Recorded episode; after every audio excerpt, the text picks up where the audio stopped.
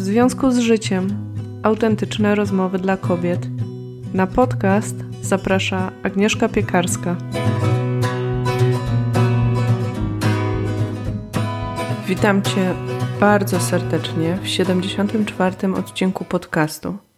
Dziś będzie inaczej niż zwykle, ponieważ nie będzie gościa. To będzie odcinek solo.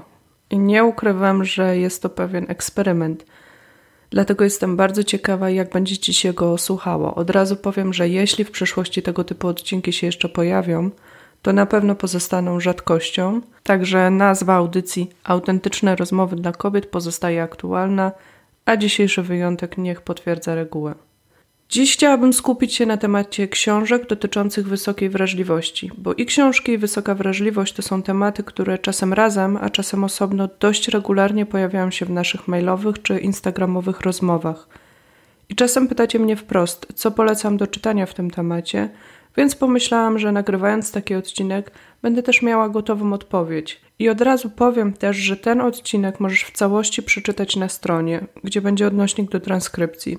Mówię o tym, bo pojawią się tu tytuły książek, cytaty, nazwiska, także nic nie musisz zapisywać, jeśli będziesz chciała. Pod koniec odcinka podam dokładny adres strony, gdzie znajdziesz wszystkie notatki. Wysoka wrażliwość to też temat, który od czasu do czasu w ogóle pojawiał się już w audycji. Jeśli słuchasz podcastu w miarę regularnie, to pewnie kojarzysz, że ja jestem osobą wysoko wrażliwą. To było powiedziane wprost w dwóch odcinkach, które nagrałyśmy jeszcze w duecie z Gosią, która też jest osobą wysoko wrażliwą, a jako psycholog pracuje z kobietami wysoko wrażliwymi. Odcinki, w których omawiałyśmy test na wysoką wrażliwość, mają wiele odsłuchań, co dla mnie oznacza tyle, że temat jest ważny i ciekawy. Wiem też, że niektóre z Was właśnie dzięki tym odcinkom odkryły wysoką wrażliwość u siebie. Jeśli je znasz, to być może część dzisiejszego odcinka będzie dla Ciebie pewnym przypomnieniem, bo będzie i o książkach, i trochę o wysokiej wrażliwości, ale na pewno pojawi się też coś nowego. Jeśli ich nie znasz, to odnośniki do tych odcinków znajdziesz w notatkach do dzisiejszego odcinka. I tu chciałabym zaznaczyć, bo teraz tak sobie pomyślałam, że może coś się powtórzyć, a może powiem coś innego niż w tamtych odcinkach. Celowo do nich nie wracałam przed nagraniem. One były nagrywane pod koniec roku 2019, więc możliwe, że spojrzenie na pewne tematy się u mnie zmieniło. Wszyscy się zmieniamy siłą rzeczy, nabywamy nową wiedzę, czytamy, testujemy w praktyce, co się sprawdza, a co nie. No przynajmniej tak jest u mnie. I w ogóle moment, gdy czytam czy poznaję nową wiedzę, jest zawsze dla mnie tak niesamowicie ekscytujący. Powiem Ci szczerze, ja byłam dosłownie w euforii, pełna nadziei, a mój mąż, który siłą rzeczy często bywa moim pierwszym kontaktem, z którym muszę podzielić się tą ekscytującą wiedzą, zna te momenty bardzo dobrze, kiedy wpadam z błyskiem wokół i mówię bardzo poważnie. No i w końcu się wszystko wyjaśniło. On ma do tego dużo cierpliwości i dystansu, choć zawsze z powagą przyjmuje te moje rewelacje, bo wie, że muszę się nimi podzielić. Ale wie też, że potem zazwyczaj przychodzi codzienność, w której te świetne teorie czy wyjaśnienia czasem się świetnie sprawdzają, a czasem, no cóż, nie sprawdzają się ani trochę. Nie mówiąc już o tym, że zazwyczaj prędzej czy później przychodzi coś nowego w postaci książki, podcastu czy filmu. I powiem Ci, mnie osobiście to nie zniechęca do tego, żeby sięgać po kolejne książki, czy to z rozwoju osobistego, czy psychologii, bo mam takie poczucie, że na tym to polega, aby znaleźć w nich coś dla siebie i coś, co się sprawdzi w życiu. Znam też osoby, które potrafią znaleźć tę jedną książkę, którą przerobią od deski do deski i wdrożą, i to się u nich super sprawdza. I podziwiam to.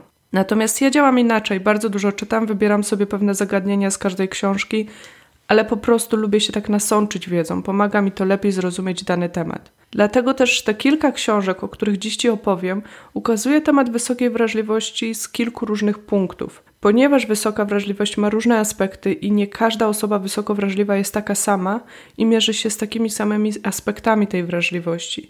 Nie mówiąc już o tym, że możemy być obie wysoko wrażliwe, a mieć różne osobowości i zainteresowania. Osobiście mam wrażenie, że o wysokiej wrażliwości mówi się coraz więcej. Dużo jest osób, które na przykład na Instagramie, nawet w swoim bio piszą o tym, że są wysoko wrażliwe. Posługuję się tu przykładem Instagrama, bo akurat w tym miejscu w tym roku spędzam trochę więcej czasu, ale oczywiście w innych mediach na pewno też można to zaobserwować. W każdym razie, jeśli chodzi o Instagramowe bio, które może maksymalnie zawierać 150 znaków i to jest niesamowicie mało, więc to, co się tam pisze, ma celowo kierować uwagę na to, co jest dla danego twórcy w danym momencie najważniejsze. Więc jak czytam, że ktoś w tym bio wspomina o swojej wysokiej wrażliwości, to jest dla mnie bardzo jasny sygnał, że ta cecha jest ważna dla niego czy dla niej. Ja siłą rzeczy trafiam częściej na takie konta kobiece, ale nie oznacza to, że to jest y, to głównie kobieca cecha. Dlatego myślę, że wysoka wrażliwość zaczyna być dla nas, osób wysoko wrażliwych, ważna. Tak się identyfikujemy, rozpoznajemy, pojawia się dużo treści na ten temat. I to jest super. Myślę, że warto też pamiętać o tym, że to jest bardzo niejednorodna cecha i możemy w obrębie tej wysokiej wrażliwości odkrywać, które aspekty nas dotyczą, a które nie. Dlatego postaram się też, e, opowiadając dziś o tych pięciu książkach, pokazać Ci, na które aspekty wysokiej wrażliwości dana autorka zwraca szczególną uwagę i jak ją ujmuje. Ok, to teraz przejdę już do konkretów, czyli pierwszej książki. Jest to książka dr Elaine Aron pod tytułem Wysoko wrażliwi: Jak funkcjonować w świecie, który nas przytłacza. Czyli można powiedzieć klasyk klasyków. Bo z tej książki można dowiedzieć się wszystkich ważnych podstaw, czyli przede wszystkim czym jest wysoka wrażliwość i jak ją rozpoznać. W tej książce jest też test, który robimy we wspomnianych wcześniej odcinkach podcastu. Jej autorka sama jest osobą wysoko wrażliwą, ale przede wszystkim doświadczoną psycholog kliniczną, badaczką i terapeutką.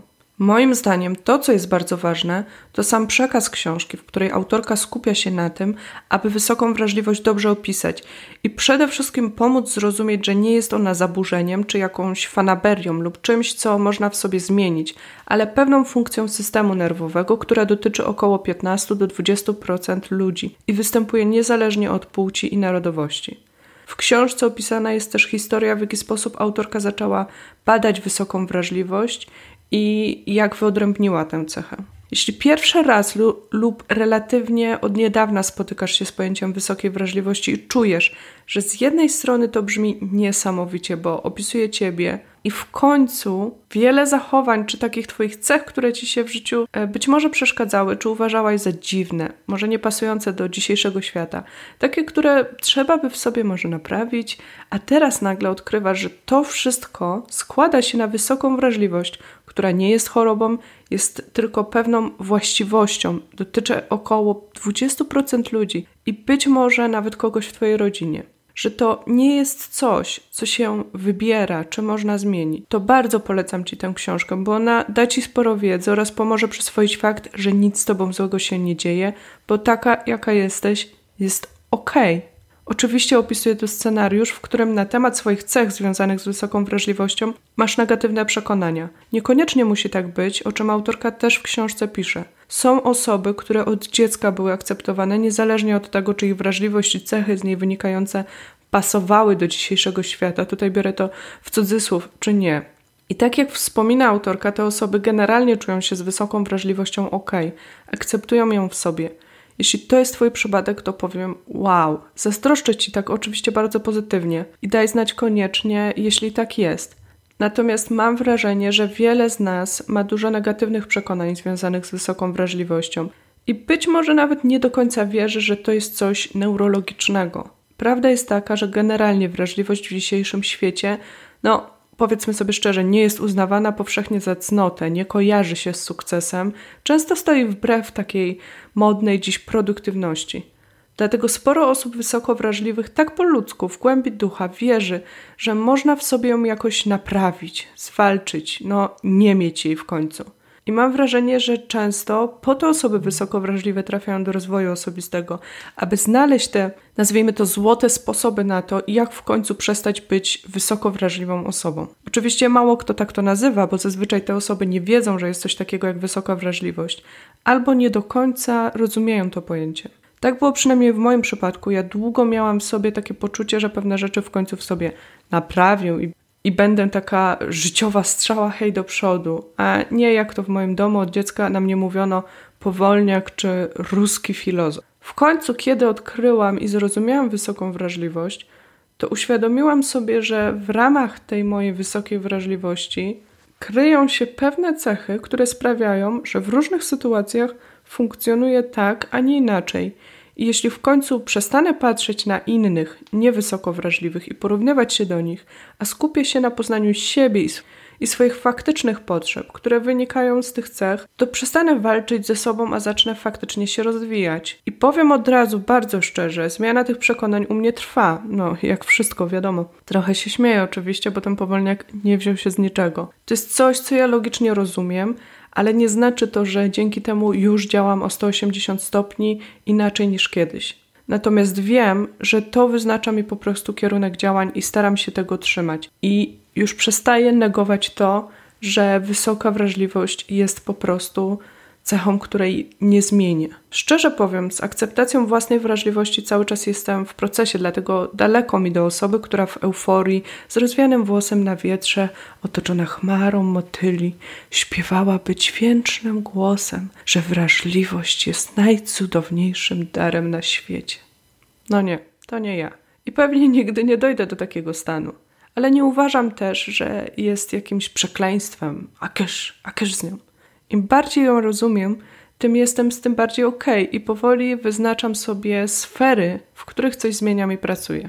I teraz przy okazji mówienia o tej książce dr Elaine Aron, ponieważ ona opowiada o wysokiej wrażliwości i ja chciałabym tu przy okazji też o tej wysokiej wrażliwości trochę Ci więcej opowiedzieć, chciałabym wymienić cztery główne cechy, które charakteryzują osoby wysoko wrażliwe. Posłużę się przy okazji kilkoma cytatami z książki. Myślę, że to też pokaże, że takie cztery różne sfery, które można powiedzieć filary wysokiej wrażliwości. Mnie osobiście wszystkie te cztery sfery bardzo dotyczą. Jak to niektórzy mówią, ja jestem bardzo wysoko wrażliwa, natomiast nie każdy tak ma. I osobiście uważam, że patrząc przez pryzmat tych filarów, można też szukać trochę dalej, analogii nawet w innych systemach, tak jak na przykład test Galupa. Tam można szukać tych swoich wysoko wrażliwych cech, nazywanych jakoś konkretnie jako dane talenty. Przy okazji kolejne książki będą też odnosiły się moim zdaniem bardziej lub mniej do niektórych tych filarów. Ok, to po pierwsze jest to głębia przetwarzania. Zacytuję w tym momencie fragment książki dr Elaine Aron. Osoby wysoko wrażliwe wszystko przetwarzają głębiej, szukają relacji pomiędzy wszystkim, co postrzegają, a przeszłymi doświadczeniami lub analogicznymi obiektami. Robią to niezależnie od tego, czy zdają sobie z tego sprawę, czy nie. Koniec cytatu. I to jest coś, z czym ja się, w czym ja się bardzo odnajduję czego dotyczyła ta moja dziecięca ksywka, czyli ten ruski filozof. Chodziło o to, że w zasadzie wszystko stanowiło i do dziś y, częściowo tak jest pole do głębokich rozważań. To jest też coś, co moim zdaniem łączy się z talentem intelekt z testu Galupa, który mam w swoim top 5. Być może z innymi talentami też, akurat ten bardzo dobrze znam i u mnie to się mocno łączy. Jeśli ty zauważysz połączenie z jakimiś innymi swoimi talentami, daj mi znać, bo to jest bardzo ciekawe. Ja sama już dużo o tym myślałam i naprawdę mam tę koncepcję jakoś rozwiniętą. Drugi filar, czyli cecha, to przestymulowanie. I tutaj też posłużę się cytatem z książki dr Elaine Aron.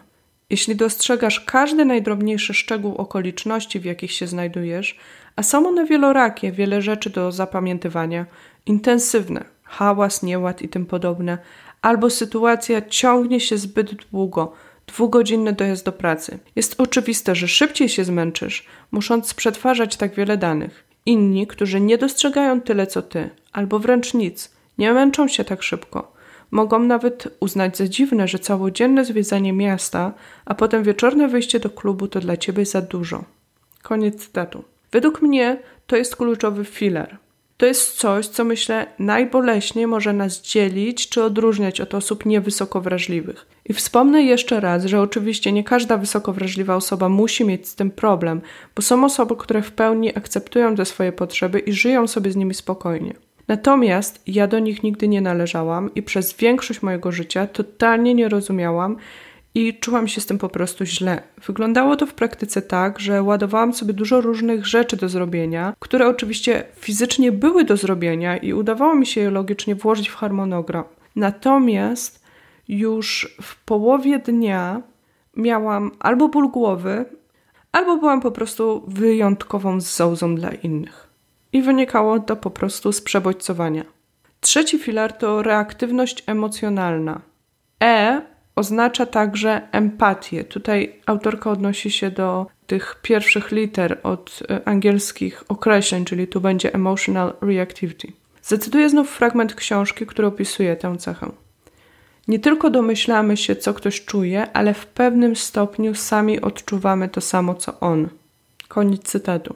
Choć mam wrażenie, że każda wysoko wrażliwa osoba doskonale wie, o czym teraz mówię. Czujemy mocniej niż niewysoko wrażliwe osoby. I choć z jednej strony nie da się tego zmienić, to nie chodzi też o to, aby bezwiednie się tym emocjom poddawać, tak? Czujemy mocniej, jednak z drugiej strony Nauczenie się własnych granic i praca nad empatią to jest ogromna dziedzina psychologii. Znam osoby, które u siebie to skutecznie wypracowały. Taką osobą jest na przykład wspomniana już przeze mnie Gosia Pawlińska, która współtworzyła ze mną tę audycję do początku 2020 roku i która profesjonalnie skupia się na tym aspekcie w pracy rozwojowo-terapeutycznej z kobietami. I przy okazji znów wrócę do tak zwanego testu talentów Galupa.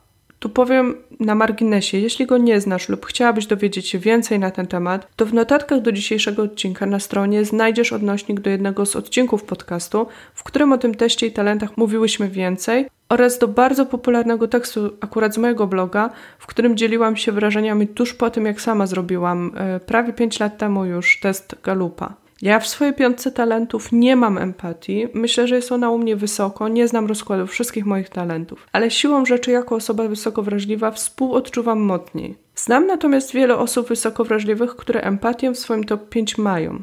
Co więcej, istnieje nawet specjalne określenie empata, z którym spotkałam się po raz pierwszy z dwa lata temu, a do którego bezpośrednio nawiązuje jedna z książek, o której dziś również Ci opowiem. I tu zwrócę uwagę znów na tę koncepcję, że któryś z trzech filarów może być u nas mocniejszy i warto szukać wokół tego konkretnego aspektu książek czy treści, które pomagają go rozwijać, a nie czuć, że są naszą kulą u nogi. Empatia oznacza, że udzielają nam się mocniej i te pozytywne, i te negatywne emocje, ale jak podkreśla dr Elaine Aron w książce, i tu znów będzie cytat, Osoby wysoko wrażliwe, jak się zdaje, wyposażone są do tego, by szczególnie doceniać dobre rezultaty i lepiej niż inni kombinować, aby do nich doprowadzić. Koniec cytatu. Popiera to przy okazji badaniami naukowymi. I dla mnie to brzmi trochę jak nasza taka superpower. Ok, do wątku związanego z empatią jeszcze dziś wrócę przy okazji mówienia o innej książce, a teraz omówię jeszcze krótko czwartą cechę wysokiej wrażliwości, którą jest wyczuwanie subtelności. Znów będzie cytat z książki dr Elaine Aron. Często właśnie to najbardziej się u nas rzuca w oczy. Rejestrujemy niuanse, które innym umykają. Koniec cytatu. Ta cecha może łączyć się z wyostrzonymi zmysłami, ale niekoniecznie. Ja osobiście mam na przykład bardzo wyostrzony zmysł słuchu. Jednak nie tylko o to chodzi. Siłą rzeczy, jak pisze dr Aaron, rejestrujemy więcej niuansów, szczegółów. Po prostu nie mamy na to wpływu. Tak działamy. Ale jak podkreśla, i w tym momencie znów zamieszczę cytat z książki. Z drugiej strony, kiedy jesteśmy zmęczeni, nie dostrzegamy niczego, ani subtelnego, ani rzucającego się w oczy, oprócz własnej potrzeby wytchnienia. Koniec cytatu. Jeśli znasz ten stan, w którym się dosłownie wyłączasz i marzysz tylko o tym, aby odpocząć, czy to od nieustannych myśli, czy od emocji, czy od zewnętrznych bodźców, czy od tego, co cię otacza, choć dla innych osób ta sama ilość wydawałaby się ok, to bardzo, bardzo polecam ci przeczytać całą książkę. Moim zdaniem czyta się ją dobrze. Może nie porywa jak najlepszy kryminał, ale jest bardzo wartościowa i warto po nią sięgnąć. Spotkałam się też z opinią, że nie każdemu pasuje, dlatego teraz opowiem o innej książce, innej autorki, która może być dla niej dobrą alternatywą. Sama sięgnęłam po tę książkę, gdy przeczytałam już książkę dr Aaron i szukałam po prostu czegoś więcej na temat wysokiej wrażliwości. To było jakieś 3, może 4 lata temu. I tak trafiłam na książkę napisaną przez Ilse Sand, Wrażliwość, dar czy przekleństwo? Przewodnik życiowy dla osób wyjątkowo wrażliwych i innych pięknych dusz. Przyznam ci się, że przed kupieniem tej książki chwilę się wahałam, bo zastanawiałam się, czy będzie w niej coś więcej niż to, co było w książce dr Aaron. I szczerze powiem, że być może nie, bo przeczytałam ją dość szybko, ale po więcej książek tej autorki nie sięgnęłam. Natomiast samą autorkę bardzo polubiłam. Jest duńską pastorką z wykształceniem terapeutycznym, specjalizuje się w temacie wysokiej wrażliwości i sama jest osobą wysoko wrażliwą. Także wspominam o tej książce, a sama musisz ocenić, czy będzie to coś dla ciebie. Być może warto zastanowić się i wybrać pomiędzy książką Dr. Aaron, a właśnie książką Ilse Sand. Przygotowując się do tego odcinka, pomyślałam sobie, że wrócę do tamtej książki, przejrzę zaznaczone fragmenty i spis treści. Może coś mi się przypomni. I tak mogę powiedzieć Ci, że w książce poruszane są m.in. takie tematy jak samoocena osób wysoko wrażliwych, granice i wyznaczanie swojej przestrzeni, temat relacji i kontaktów z innymi osobami, jak radzić sobie z gniewem. Jest rozdział o poczuciu winy i wstydu, także rozdział o zaburzeniach psychicznych, podatności na lęk i depresję oraz rozdział o miłości do samego siebie. Są też tematy związane z badaniami naukowymi nad wysoką wrażliwością. Dużo tam jest zaczerpnięte od dr Elaine Aron, być może dlatego ja czytając tę książkę nie miałam ponitek wielu momentów aha, bo zbiega się w wielu momentach właśnie z tamtą książką. Co prawda omawia wysoką wrażliwość od strony problemowej i to jest bardzo ciekawe, tak jak słyszałaś te aspekty, które ona wymienia. Jeśli nie czytałaś właśnie ani jednej, ani drugiej książki, zajrzyj do obydwu, zobacz sobie spisy treści, może przeczytaj po fragmencie, zobacz, która będzie Ci bliższa, którą będzie Ci się lepiej czytało. Autorka pisze w bardzo ciepły sposób i mi tę książkę czytało się naprawdę bardzo, bardzo szybko. I przyznam Ci się, że gdy przeczytałam już te dwie książki o wysokiej wrażliwości, to długo, długo nic w tym temacie nie czytałam. Przyjęłam do wiadomości, że mam tę cechę, jest wrodzona, no i cóż, taki mój los. Skupiłam się mocno na aspekcie akceptacji tego, że mam skłonność do przemyśliwania wszystkiego oraz ulegam przebodźcowaniu. I nad tym sobie pracowałam. Natomiast w międzyczasie z wielką chęcią sięgałam po książki Brené Brown. I powiem szczerze, dopiero teraz widzę dlaczego, bo przecież Brené bardzo dużo mówi i pisze o wrażliwości. Ale nie są to książki w ogóle o wysokiej wrażliwości. Za każdym razem, gdy czytałam fragmenty o tym, że jedyną drogą do autentycznego życia jest właśnie wrażliwość i ona zawsze łączy się z odwagą, to po prostu miałam łzy w oczach i coś ściskało mnie za gardło. Tylko długo nie mogłam sobie tego poukładać i nawet myślałam sobie, no dobra Brenę, ja już jestem wrażliwa, akurat inaczej nie potrafię, nie musisz mnie do tego namawiać, ale szczerze Ci powiem, no nie wiem, czy to takie wow. I dopiero niedawno oglądając film dokumentalny na Netflixie, a właściwie to jest takie wystąpienie Brena Brown, miałam e, takie małe eureka w tym temacie. I tu na marginesie, jeśli nie znasz Brenę, to jest po prostu must watch. Zacznij od tego wystąpienia na Netflixie, jeśli możesz. Najlepsze opowieści e, Brenę, które też można potem znaleźć w książce oczywiście, a gwarantuję Ci, że to będą naprawdę cudownie spędzone niecałe dwie godziny w Twoim życiu. Bo nie dość, że jest dużo rozwojowej treści, to po prostu czysta rozrywka. No, ogląda się to prawie jak stand-up. Brené Brown jest niesamowita każdym razie ona mówi o wrażliwości, używając angielskiego słowa vulnerability, które można tłumaczyć też jako podatność na zranienia. W ogóle język angielski jest bogatszy w tym temacie. U nas i to wrażliwość, i tamto wrażliwość, wszystko jest w jednym worku. A to są trochę inne aspekty.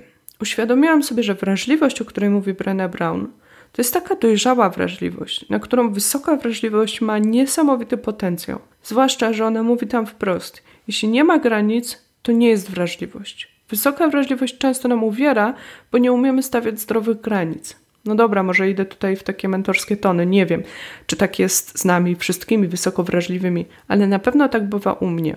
Tak w zasadzie to teraz jest u mnie numer jeden temat. Także to taka dygresja, bo książki Brené Brown nie są o wysokiej wrażliwości, ale uważam, że każda wysoko wrażliwa osoba odnajdzie w nich masę fantastycznych i pomocnych treści i mogą być cudownymi przewodnikami, w jaki sposób swoją wrażliwość rozwijać i pielęgnować. Nie podaję tu tytułów jej książek, bo wszystkie są warte przeczytania. Po prostu zgoogluj, wybierzesz na chybił trafił i pewnie się nie zawiedziesz, choć oczywiście e, znam osoby, które lubiły pierwsze książki Brené Brown, a któreś e, późniejsza mnie podpasowała. Sprawdź sama. Teraz już wrócę do kolejnej książki, stricto napisanej dla osób wysoko wrażliwych, a w zasadzie od razu do dwóch książek jednej autorki, które przeczytałam w zasadzie jedna po drugiej i bardzo je polubiłam. Ja odnalazłam się w nich w 100% i za chwilę powiem Ci dlaczego. I pewnie na tej podstawie już będziesz mogła stwierdzić, czy to jest coś dla Ciebie, czy nie.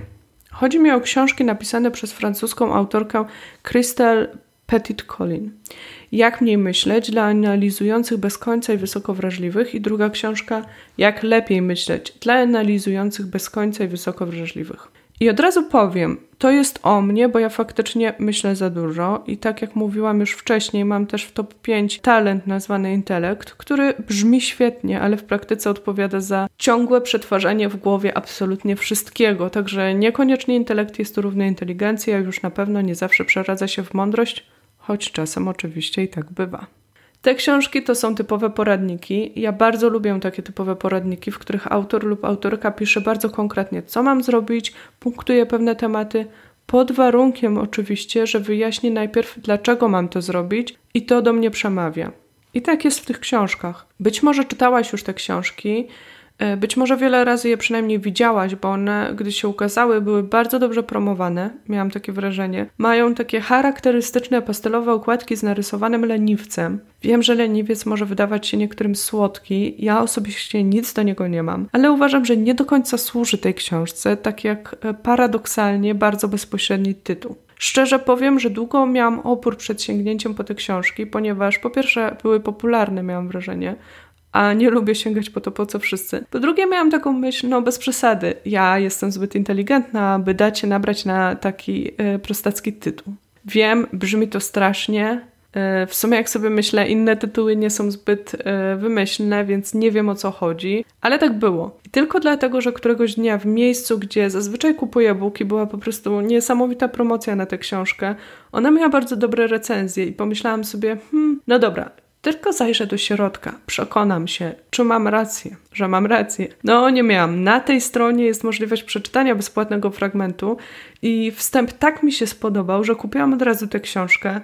Przeczytałam, zrobiłam notatki, wracam do nich regularnie. Potem kupiłam kolejną, a ostatnio też yy, kolejną książkę tej autorki o manipulatorach i osobach wysoko wrażliwych. Bardzo polubiłam jej książki. Pisze konkretnie, podaje dużo przykładów e, ze swojej pracy z pacjentami. Pisze dla osób wysoko wrażliwych, tak jak w tytule, choć uważam, że nie każda osoba wysoko wrażliwa się w tym odnajdzie. Dlatego przy okazji książki dr Elaine Aron opowiedziałam trochę o tych czterech aspektach, czyli filarach wysokiej wrażliwości, bo właśnie tu chcę do tego wrócić. Dla osób, które bardzo mocno odczuwają ten pierwszy aspekt, którym jest głębia przetwarzania, czy na przykład dla osób z talentem Galupa w top 5 intelekt, ta książka może być bardzo pomocna. Ale jeśli ktoś w tym aspekcie nie ma tak silnie rozwiniętej wysokiej wrażliwości, tylko na przykład bardziej w filarze związanym z empatią, to być może ta książka nie będzie pomocna. Tylko kolejna, o której zaraz opowiem więcej. Także dla mnie to był strzał w dziesiątkę. Bardzo się odnalazłam też w tym wyjaśnieniu dotyczącym aktywności prawej półkuli mózgu, zaleceń, że muszę realizować kreatywność w życiu i wykonywać skomplikowane rzeczy, bo po prostu mój mózg jest do tego stworzony. I dla mnie osobiście to były dwa obszary, w których zawsze czułam, że mm, coś wymyślam, cuduję, po prostu, że właśnie e, życie polega na tym, żeby wszystko w prosty sposób robić, a ja nie potrafię. A tutaj jest bardzo jasno napisane, że to są potrzeby, bez których będą szukać sobie po prostu problemów lub popadać w marazm. I to się u mnie bardzo sprawdza. W tej książce jest wiele innych cennych wskazówek. Nie będę o nich wszystkich opowiadać, bo to byłby bardzo długi odcinek, a patrząc na długość nagrania już widzę, że i tak będzie dłuższy niż pierwotnie zamierzałam. No ale cóż, jak przystało na osobę wysoko wrażliwą, potrzebuję temat choć, choć trochę zgłębić. Choć i tak mam świadomość, że nie zgłębiam tak bardzo, jakbym chciała. No, ale to już pozostawiam Tobie, jestem spokojna, że przejmiesz pałeczkę. Także polecam tę książkę. Dla mnie sama świadomość, że autorka miała wielu pacjentów z tą cechą i bardzo wyraźnie ją wyodrębniła, była ciekawa i kojąca. Teraz omówię książkę, która może przypaść do serca osobom, których wysoka wrażliwość mocno opiera się właśnie na empatii. Choć niekoniecznie, ale na pewno dla osób, które identyfikują się z pojęciem empata czy empatka. Jest to książka Judith Orloff, The Empath Survival Guide Life Strategies for Sensitive People. Podaję angielski tytuł, ponieważ kupiłam tę książkę rok temu po angielsku, ale dosłownie przed chwilą, przygotowując się do tego odcinka, zgooglowałam jeszcze raz tę książkę, sprawdzając, czy nie ma polskiego wydania. I widzę, że jest, i to od niedawna, wydana w tym roku. Polski tytuł brzmi Empatia poradnik dla wrażliwych, dla tych, co za dużo myślą i czują. I w tym momencie nie powstrzymam się od dygresji, bo widzę, że na okładce jest królik na pastelowym tle. Książka, przynajmniej jeśli chodzi o okładkę, idzie więc tropem poprzedniej, o której przed chwilą mówiłam. I widzę do po, po dopisku w tytule za dużo myśli. Sprawdza się to sprzedażowo, bo zostało dodane, choć w oryginale nie ma tego określenia. I powiem szczerze, trochę zażartuję, bo jednak mam świadomość, że być może ta empatyczna część nie jest u mnie tak bardzo rozwinięta, więc tu nie doceniam wagi słodkich, miękkich, małych czy dużych zwierząt futerkowych. Być może pewne osoby wysoko wrażliwe to rozczula i zachęca do zakupy, ale ja zastanawiam się, yy, dlaczego one tam się znajdują. No, po co nam te leniwce i króliki? Wiem, że świat okładek to jest inny temat, ale jednak, czy to nam wysoko wrażliwym coś dodaje? Czy nas to zachęca? Ja nie jestem przekonana. Nie dość, że jesteśmy wrażliwi, rozkminiamy za bardzo, sięgamy do działu self-help, z którym powiedzmy sobie szczerze, nierzadko mamy problem, bo mamy poczucie, że bywają tam głównie ludzie z problemami. A kto chce mieć problem i się do tego jeszcze komuś innemu przyznawać? To jeszcze ten królik na okładce. No po co to komu? Pytam. Stawiam tu trzy znaki zapytania. Jeśli znasz odpowiedź, napisz koniecznie, proszę cię. Wiem, że są wśród słuchaczek bardzo utalentowane graficzki. Dziewczyny, jeśli teraz mnie słyszycie, dajcie znać, może wy macie coś na obronę tego królika. A wracając do książki, to zdecydowanie dla osób, które czują za dużo. Biorę dużo, oczywiście w cudzysłów, Niekoniecznie dla tych, którzy za dużo myślą, bo moim zdaniem ta książka może tę grupę rozczarować. Ja osobiście sięgnęłam po nią, gdy rok temu obejrzałam wystąpienie autorki w ramach pełnej konferencji online. Opowiadała ona wtedy o tragicznych związkach empatów z narcyzami. Bardzo mi się to wystąpienie podobało, choć temat może, muszę powiedzieć, był dość przygnębiający. Konkluzja była bardzo jasna, to się zawsze źle kończy i to zawsze dla empatów. Jednak autorka mnie zainteresowała, więc zaczęłam szperać w internecie i okazało się, że miała kurs online dla empatów i osób wysoko wrażliwych a ja bardzo lubię kursy online. Serce mi mocniej zabiło i zaczęłam się zastanawiać nad zakupem. No, zwłaszcza, że tematy zawarte w kursie były, co tu dużo mówić, z życia wzięte, no przynajmniej mojego. Więc ten kurs miał dosłownie rozwiązać wszystkie moje problemy. Od tych związanych z wiarą w siebie, po problemy z jedzeniem emocjonalnych, przez relacje z innymi i tematy związane z przebodźcowaniem. No już, już prawie miałam kupować, ale jednak cena była dla mnie trochę za dużo na tamten moment i tak wpadłam na książkę, na podstawie której ten kurs był zrobiony. Tak myślę, patrząc i porównując moduły w kursie z e, rozdziałami w książce. Więc postanowiłam zacząć od czegoś tańszego.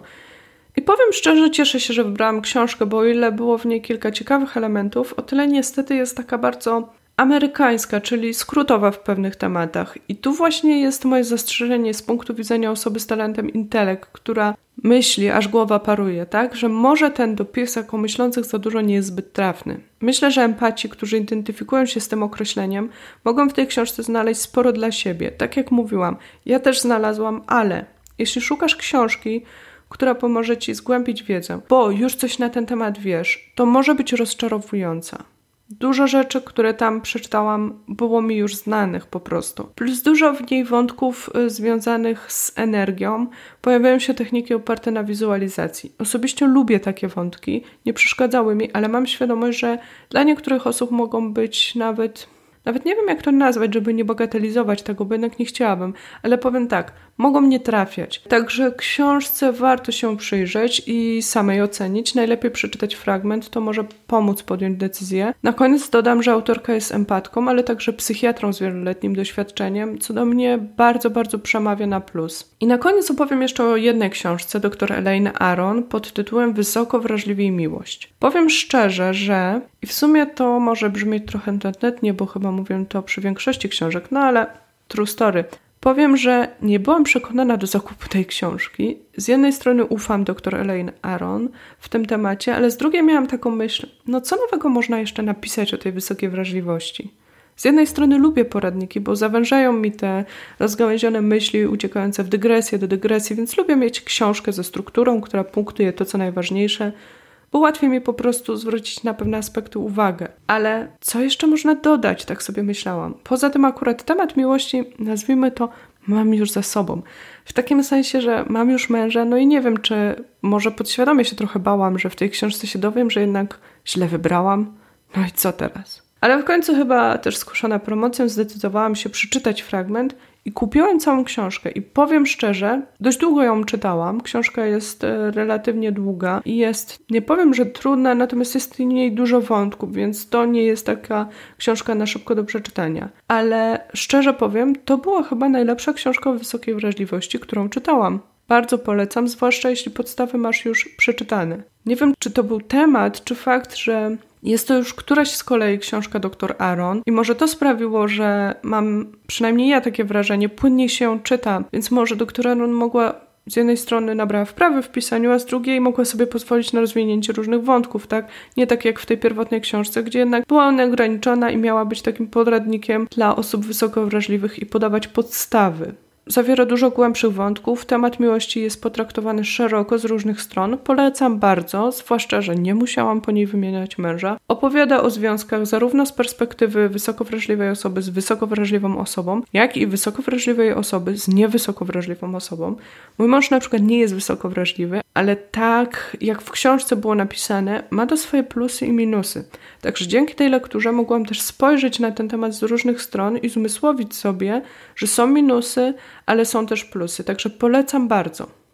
I w zasadzie tutaj kończy się temat książek o wysokiej wrażliwości, które przeczytałam. Ale na koniec chciałabym jeszcze krótko opowiedzieć o kilku książkach, które są na rynku, a o których jeszcze sama nie przeczytałam. Na początek będą to dwie kolejne książki dr Elaine Aron. Pierwsza to The Highly Sensitive Person's Workbook Widziałam ostatnio na Instagramie, że jest też polskie wydanie tej książki, ale w księgarni nie trafiłam na nie, więc nie podam Ci tytułu. Ja mam wersję po angielsku, zaczęłam ją czytać zaraz po zakupie, ale jest to książka typowo z ćwiczeniami, więc odłożyłam na bok, bo ja potrzebuję jakiejś struktury czasowej, żeby się za to zabrać. Nie chcę tak tego robić wyrywkowo. Myślę, że warto jej się przyjrzeć, bo może pomóc w konkretnych działaniach. Jeśli lubisz ćwiczenia, to naprawdę, naprawdę warto. U mnie jest na liście to także mam nadzieję, że może jeszcze w tym roku, może po wakacjach się za nią zabiorę. Druga książka dr Elaine Aron, Wysoko wrażliwe dziecko. I powiem szczerze, nie mam pojęcia, dlaczego jej jeszcze nie czytałam.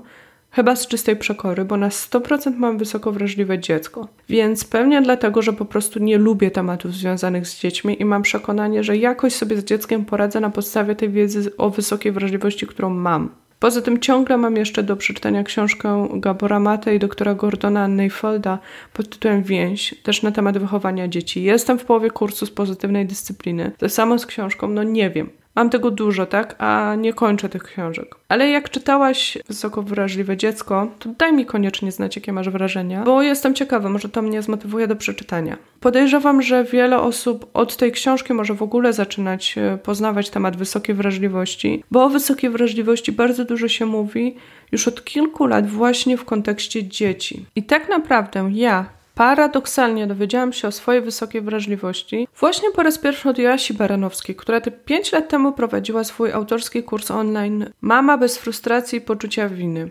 Ja ten kurs kupiłam. W pakiecie miałam też możliwość mailowego wsparcia Asi. Asia jest psychologiem i propagatorką w Polsce pozytywnej dyscypliny. Ale ten kurs był tak klarowny, że nie bardzo było co pytać w międzyczasie. Ale że tę możliwość miałam, to bardzo chciałam z niej korzystać. Więc już pod sam koniec postanowiłam się zebrać w sobie i napisać do niej maila, że w sumie to wszystko fajnie. Ja rozumiem te tematy, miłość do dziecka, czas dla siebie, odpuszczanie i to brzmi super. Do momentu, jak moje dziecko nie zaczyna płakać krzyczeć, albo co gorsza mnie szczypać, czy swoją małą dziecięcą nogą mnie kopać. A moje dziecko kopało dość często, bo lubiło wierzgać nogami. Nie wiem, może większość dzieci tak ma, nie znam się na dzieciach. I nawet przez jakiś czas dostała taki pseudonim szalone nogi. Napisałam o tym, w sumie trochę się wstydząc tego, bo jak to matka, a nie potrafię się do uśmiechać do bobaska, jaką sobie wrzeszczy. I Asia wtedy mi napisała, że to brzmi jakbym po prostu była wysoko wrażliwa i że często się o tym mówi w kontekście dzieci, ale przecież to jest dziedziczne, więc dorosłych to też dotyczy.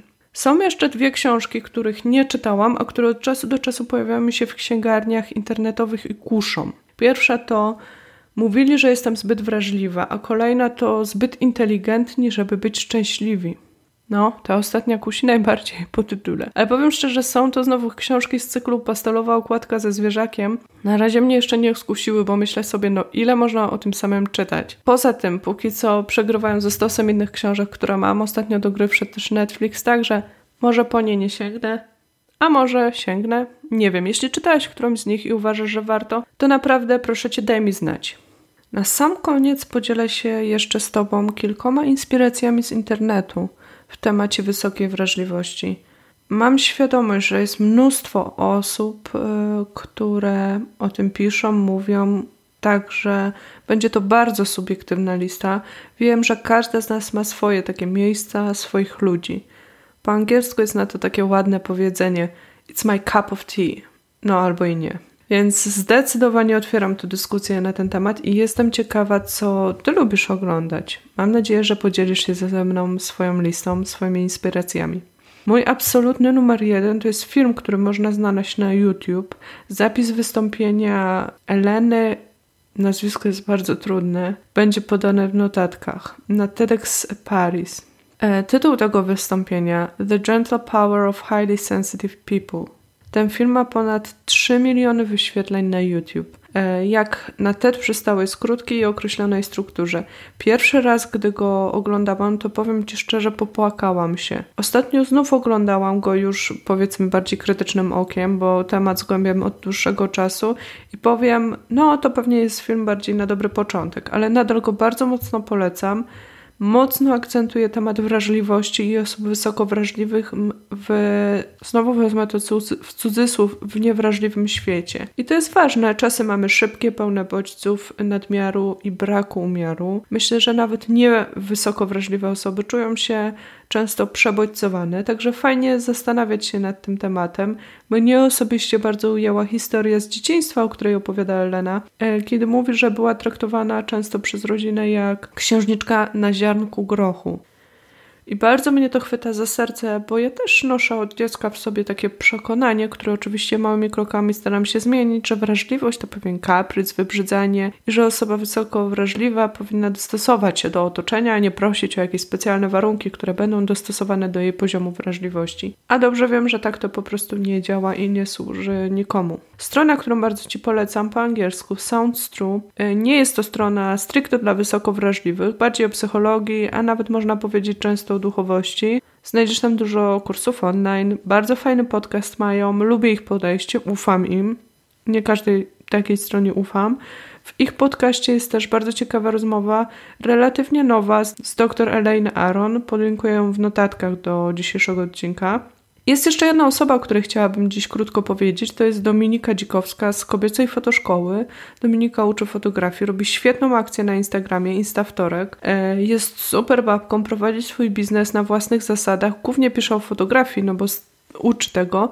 Natomiast od czasu do czasu, zwłaszcza w swoich newsletterach, pisze też o wysokiej wrażliwości, bo sama jest osobą wysoko wrażliwą. I to czuć także w tej akcji z hashtagiem Instawtorek, także w tym, w jaki sposób uczy fotografii, jak podchodzi do dziewczyn. A ja bardzo lubię też jej podejście do biznesu, które pokazuje na Instagramie na przykład lub w tych newsletterach, bo jest takie zdroworozsądkowe i podziwiam, czerpię różne typy i tak po ludzku dodajemy to siły, że da się prowadzić biznes na własnych zasadach, będąc wysoko wrażliwą osobą, nawet w tak pełnym bodźców miejscu jak Instagram, no bo umówmy się, to jest miejsce, w którym dzieje się dużo, szybko, jeśli tworzy się, to też trzeba się do tego dostosować, a może nie trzeba, ale na pewno trzeba znaleźć jakiś e, złoty środek.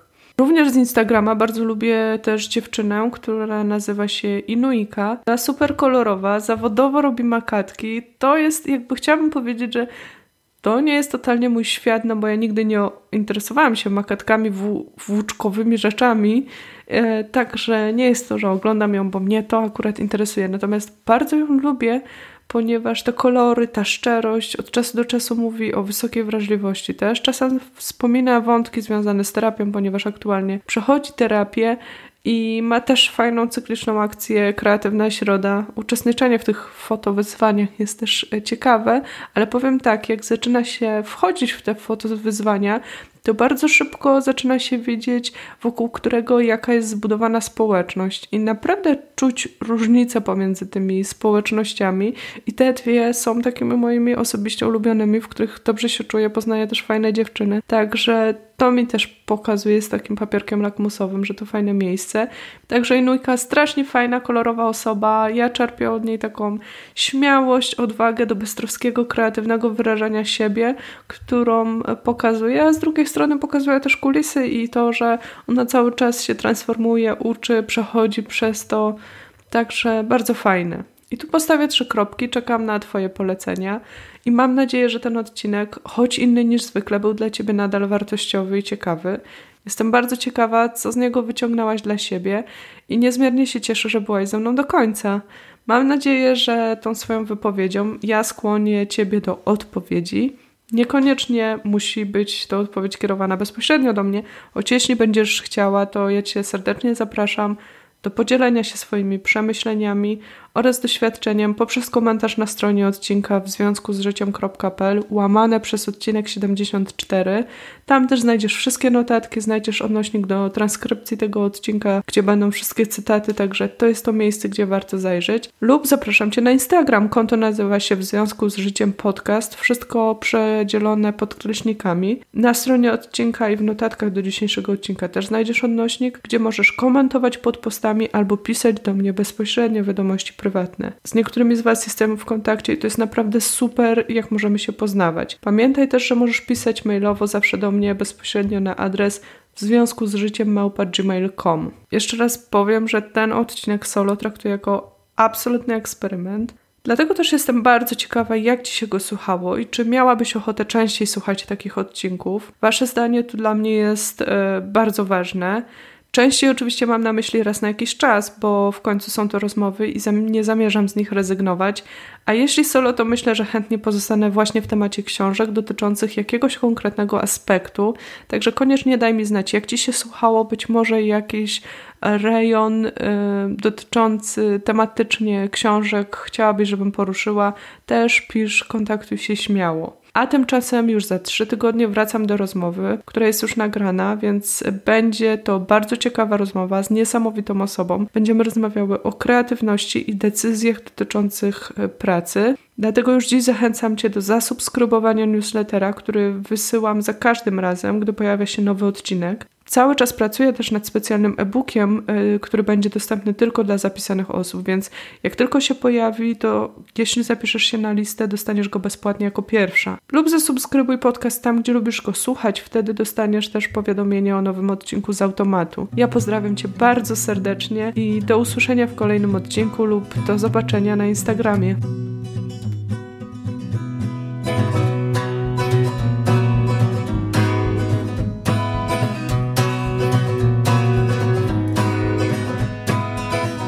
Roots and rocks, they bind me to the soil. And step by step, I make my way from Chicago.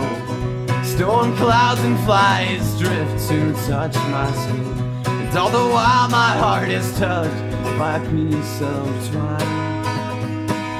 Not entangled for miles.